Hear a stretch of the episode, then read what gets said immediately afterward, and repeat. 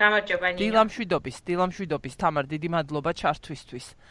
აა თუ შეიძლება გვითხრა ჩვენს აუდიტორიას მსმენელსა და მაყურებელს რომ უთხრა თუ თუ რომელ თუ რა რა რა ამბავი ხდება დღეს მოკლედ რატომ არის ის რომ ჩვენ მოვუთხრობდით ყოველას შენი გამართლების შესახებ რატომ არის რომ დღეს შენ კლავ მიდიხარ სასამართლოში მადლობა ჩართვისთვის საშუალება რომ მაქვს ვისაუბრო ჩემს სასამართლოზე ჩემს პრობლემაზე. მე მე ხა უკვე ცხინვალში ვარ ცხინვალის საქალაქო სასამართლო იწყებს თავიდან განხილვას ჩემი ბრალდებების, ჩემი საქმის. მე სამჯერ, სამჯერ სხვადასხვა სასამართლომ, სამივე იყო პირველი ინსტანცია, ორჯერ რაიონულმა სასამართლომ, ერთხელ საქალაქო სასამართლომ, სხვადასხვა მოსამართლეებმა გამომართლეს, ყველა ბრალდება მომიხსნეს, მიიჩნიეს, რომ სამივე ბრალდება იყო უკანონო და დაუსაბუთებელი და სამივე სამივე ბრალდებაზე მე გავმართლდი. ბოლოს გასული წლის ოქტომბერში, ერთხელ 2018 წლის დეკემბერში, შემდეგ 2000 ერთხელ 2018 წლის მაისში, შემდეგ დეკემბერში, შემდეგ ოქტომბერში და როგორც მივხვდი მე პროკურატურის ხელით, პროკურატურის საშუალებით ბიბილოვი ანტონ ბიბილოვი ცდილობს მე მუდმივად ამ დაძაბულ რეჟიმში მაცხოვროს, გადაადგილება შეზღუდული ხა 6 თვეს სრულდება უკვე სხვა დანარჩენი ადამიანებსაც არ აქვს გადაადგილების უფლება, მაგრამ აა ჩემს გადაადგილების უფლებას კიდევ სხვა მომენტები ახლავს, იმიტომ რომ მუდმივად სასამართლოში, მუდმივად სასამართლოსთან დაკავშირებულ საკითხებში და ზოგადად მინიმუმ მაგალითად სინაგურით შემეძლებოდა დამეტოვებინა რაიონი და ჩემი შვილი მენახა. რასაც მე მოკლებული ვარ და თავარი ის არის რომ მესამე წელია გრძელდება ეს დღეიდან მეოთხე ჯერ იწყებს პირველი ინსტანცია განხილვას. ეს ეს ყველაფერი არის ფსიქოლოგიური ზეწოლის საშუალებად იყენებს სასამართლოს და პროკურატურას, რა თქმა უნდა, ხშირად პროკურატურის წარმომადგენლები იქვე ამბობენ რომ დაიღალნენ და აღარ უნდათ სასამართლოში სიარული ჩემთან შეხვედრა. აი პირდაპირ სასამართლოზე აღიარებენ. მოსამართლეები რომ ხედავენ ისინიც იგივეს ამბობენ რომ ოღონდაც შენგან გავთავისუფლდეთ, მაგრამ მე მე რა მე მონაწილე ვარ. აა მაგრამ აი არავინ არ ასრულებს ამ პროცესს და როგორც გუშინ მე ადვოკატთან საუბრობდი, მითხრა რომ მე რაც შემეძლო და რაც ჩემს ხელში იყო, ყველაფერი გავაკეთე იურიდიულად, არც ერთი ჩვენ ის არ ქონია გაშვებული აა რაღაცა ვადა ან ყველა საშუალება რაც იურიდიულად შეგვეძლოდა დაცვის მხარეს რაც შეეძლო ყველაფერი ქონდა გამოყენებული. სხვადასხვა შუამდგომლობები გასაჩივრებები და შედეგები ქონდა მაგრამ მე მივხვდიო რომ მათ შეიძლება ასე დაუსრულებლად ატარონ ინსტანციიდან ინსტანციაში. ამიტომ ამას ჭირდებაო ცოტა სხვა მაური და საზოგადოების ყურადღება. რა ტიპის ყურადღებაზეა ლაპარაკი და რომელი საზოგადოებისა რას გულისხმობთ საერთაშორისო საზოგადოებას გულისხმობ, საერთაშორისო საზოგადოებას მე გუშინ მაგალითად ჩემს ჩემ Facebook-ით პირველი ანატოლი ბიბილოვი დაუპატიჟე ჩემს სასამართლო პროცესზე და ადგილობრივი პარლამენტის დეპუტატები, ვინც კი მეგობრებში მყავდა, ყველა დაუპატიჟე, ამდენიმე გამომეხმაურა კიდეც შემდეგ. და იმიტომ რომ ახაც არაერთ აი ხა უკვე აღარ არის ძალიან რთულია დაუნტკიცოს ვინმე ის რაზეც რასაც ჩემზე საუბრობდნენ რომ მე ვარ ქართული უშიშროების და სპეცსამსახურების მართული და რანაირად ვარ მე ვიღებ მათ დადგმულ მაშინ სპექტაკლში ესე ვთქვათ ამ სასამართლოზე მონაწილეობას და მოვიწვიე რომ მობრძანდით და ნახეთ რა ხდება როგორ შეიძლება ესე აი დაუსრუ ხშირად აკაური საზოგადოებაც ამბობს რომ აი აღარ უნდა თამისი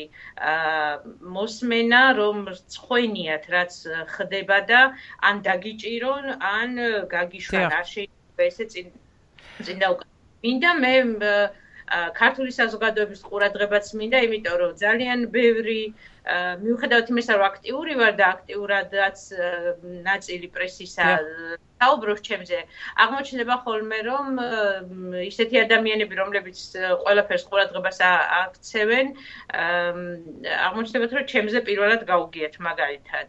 და ჩემი პრობლემა არ არის სათანადოდ გაჟღერებული და მოთხოვნა, რომ დასრულდეს დევნა, დევნა არის, აბა ეს სასამართლო ხო არ არის, მე არავისთან პირადი დაპირისპირება არ მაქვს.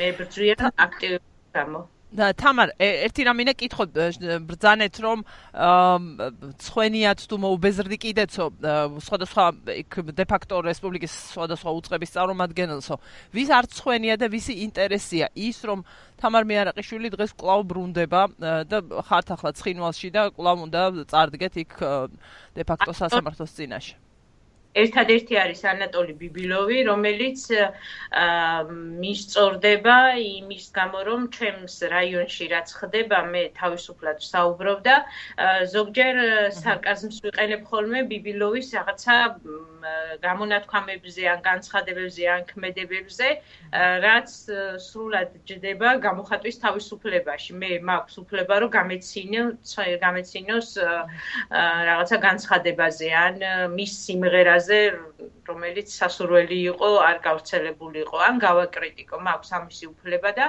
მე ვიყენებ და ეხა ჩემს პარალელურად ჩემი ადვოკატი იცავს კიდე ერთ თქვენს კოლეგას ირინა ქელეხსაევას, ეხო კავკაზას ჟურნალისტი პარტია ზუსტად ანალოგიური პროცესი წამოიწყო ოღონდ იუსტიციის ministrმა და ბევრმა შეაფასა რომ მიარაყიშვილის სცენარს ავითარებენ ირინასთანაც.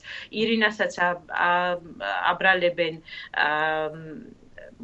ცილის წამებას თითქოს მან ცილი დასწამა ministrს და ministrმა პირველი როგორ გაიგო ცილის წამებაში იყო ირინა ბრალდებული ჯერ ადამიანი ხო უნდა იყოს ეჭვმიტანილი და შემდეგ შეიძლება იყოს ბრალდებული ან პირდაპირ მოუვიდა განცხადება რომ ის იყო გამოძახებული სასამართლოში და ეწერა რომ ის არის ბრალდებული ცილისწამებაში და იქვე ministrმა ministrმა გამოუტანა და არა სასამართლო ან პროკურატურამ მოითხოვა. ანუ მხარე მოითხოვა რომ ის 9 მილიონით დაჯარიმებული იყო. და ამ ამ ყველაფერს ახლა სასამართლო მირინას საქმე დააბრუნა პროკურატურაში გამოსაძიებლად, იმიტომ რომ პირდაპირ სასამართლოში შევიდა цаრიელი მოთხოვნა, რომ ირინამ დამწამა ცილი და დააჯარემით 9 მილიონით და ახლა მოსამართლემ კი დააბრუნა პროკურატურაში გამოსაძიებლად, მაგრამ გაივლის ირინაც იმ გზას, ანუ ირინა ირინა ინა იმ სახით რომ ის იყენებს თავის პროფესიულ მოვალეობას და უფლებებს წერს იმაზე რაზეც სხვები არ წერენ ჩუმად არიან და ამის გამო უსწორდება ბიბილოვი ა თამარ საერთაშორისო საზოგადოების ყურადღების საკითხი ახსენე შენ დეფიციტი ამისა. რას როგორ ფიქრობ რას მოგცემდა ეს შენ და რატომ თვლი რომ არასაკმარისია ინფორმაცია რომელიც მათ აქვთ? არასაკმარისი ჯერა რომ ინფორმაცია აქვთ ხო არ ვიცი რანაირად შეიძლება არ გქონდეთ ჩვენს შესახებ დიახ. მოკლედ, საქართველოს ხელისუფლება წლები ამბობდა, რომ ჟენევაში ჩემი საკითხი იყო პირველი და მთავარი, რასაც ისინი საერთოდ აყენებდნენ ხოლმე. გასულ წლის სექტემბერში ჟენევის თანამჯდომარებს შევხვდი მე პირადად ცხინვალში, პირადად საუბრობ ამაზე.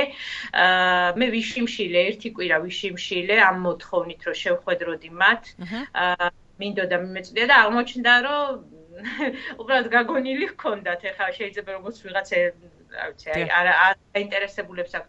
ჟენევის თანამჯდომარებს ჩემს შესახებ მე მოუყევი და ძალიან ბევრი ინფორმაცია მე მივაწოდე, რაც წესით თუ აყენებდნენ ჩემს საკითხს, მათ უნდა ჰქონოდათ ის ინფორმაცია. აა ჟენევის თანამჯდომარებმა რო არიციან, სხვა ვის შეიძლება ვთხოვო, რომ ვისგან შეიძლება მოვითხოვო, რომ იციან თუ არ იციან. აი ჟენევის თანამჯდომარები გარდა არავინ არ არის ჩვენთან ჩართული და დაინტერესებული და ეს აღარ არის ხო იმის მერე მე არ მქონია მათთან ურთიერთობა და არც ვინმესგან ვინც მათთან ურთიერთობს მქონია დაინტერესება რომ მათთვის კიდე მიეწვდიათ ჩემზე. მაგალითად ძლიერი და გავლენიანი ადამიანის უფლებებზე მომშავე ორგანიზაციებმა არიციან არ ვიცი მე არავინ არ მიკავშირდება. ვარ ღია გახსნილი ვარ. აი 1000 საშუალებით შემიძლია მივაწოდო ინფორმაცია მაგრამ თამარ როგორ ფიქრობ რა მიზანს ემსახურება ეს? ერთი მხრივ ამბობ ამის საფუძველი არის შენი აქტიურობა იგივე ეს კომუნიკაცია რაც გაქვს მედიასთან რომ ყვები რომ არ ჩუმდები და ასე ვთქვათ ყველაფერზე გაქვს რეაქცია. ერთი მხრივ ვიღაც იფიქრებს ალბათ რომ არჩევანი ხომ აქვს და ხომ შეუძლია გაჩუმდეს, რადგან გაუჩნდება ბევრს კითხვა ეს და დავსვამ კითხვას, როგორი შეიძლება ცოტა ისე ჟღერდეს უტაქტოდ და მეორე რა კონკრეტული მიზანი აქვს შენს დევნას? ერთი სავარაუდოდ რომ აღარ იყო აქტიური თუ კიდევ უფრო მეტი? აღარ ვიყო აქტიური ან დავტოვო ჩემი საცხოვრებელი სახლი და წავიდე. აა ის რომ შემიძლია გავჩუმდე, ნამდვილად მაქვს ესეთი არჩევანი და ვიქნები დასაქმებულიც ვიქნები, დასაქმებული შეიძლება სამსახური არ მქონდეს, მაგრამ შემოსავალი მექნება რამდენიმე ორგანიზაციიდან, აქ როგორც ხდება. აა მაგ მე აკვაპირებ ცხოვრებას ვინც აზროვნებდა ცოტათი არ მინდა ვინმე შეურაცხყოფა მივაყენო ან ჩუმად არის ჩვენთან და ძალიან ცუდად იტანენ. მე აგერ მხიარულობ პირის დაბანის სურვილიც მაქვს სამ სამართლოს პარალელურად მაგალითად აქ თუ კონცერტი ან კონცერტზეც დავდივარ და უმეტესობა ვისაც პრობლემებზე რეაქცია და ხოლმე ან ეკნებოდა იმათ დატოვეს საქარავა. მე აქედან წასვლა არ მინდა, იმიტომ რომ 44 წლის ვარ და სად შეიძლება და როგორ შეიძლება ახრიდან ცხოვრება იწყო. და მე ჩემი პენსიონერი მშობლები აქ არიან. ამიტომ მე ვცდილობ რომ ასია თუ ისეა მაინც საზოგადოება მიცნობს და საზოგადოების მხარდაჭერით მაინც მე უსაფრთხოდ ვარ აქ კიდე მიუხედავად ამ პრობლემისა და ამ ჩემს ასე ვთქვათ სუდათ ვიყენებ თუ კარგად ვიყენებ ამას რომ მივაწვდინო ხმა უფრო უფრო მეტად რაც აქ ხდება, ვიყენებ ამას. მართალია პრობლემებია, მაგრამ მე მე მაქვს პირადად პრობლემები, მაგრამ ამ ჩემი ხმაურით ძალიან ბევრი პრობლემია მაგ გადაიჭრა ეს წლები უკვე და რაღაცნაირად არ არ ვეშვები. თამარ ფილიშიც არის ხო ბევრი ადამიანი რომელსაც საერთოდ არ აღელვებს რა ხდება. აი ბოლო მოვლენები ავიღოთ ზოგმა შეიძლება არც იცოდეს რა ხდება. ჩვენთანაც იგივეა და ხვალიან ძალიან ჯიუტი ადამიანები თბილისში. ისა ყველა აქციაზე ისინი დადიან, ყველა მოხერებული მას რა ქვია, ხელს ისინი უშვერენ თავს და ესევა. მესმის. თამარ ძალიან დიდი მადლობა უნდა გითხრა ამ ჩართვისთვის.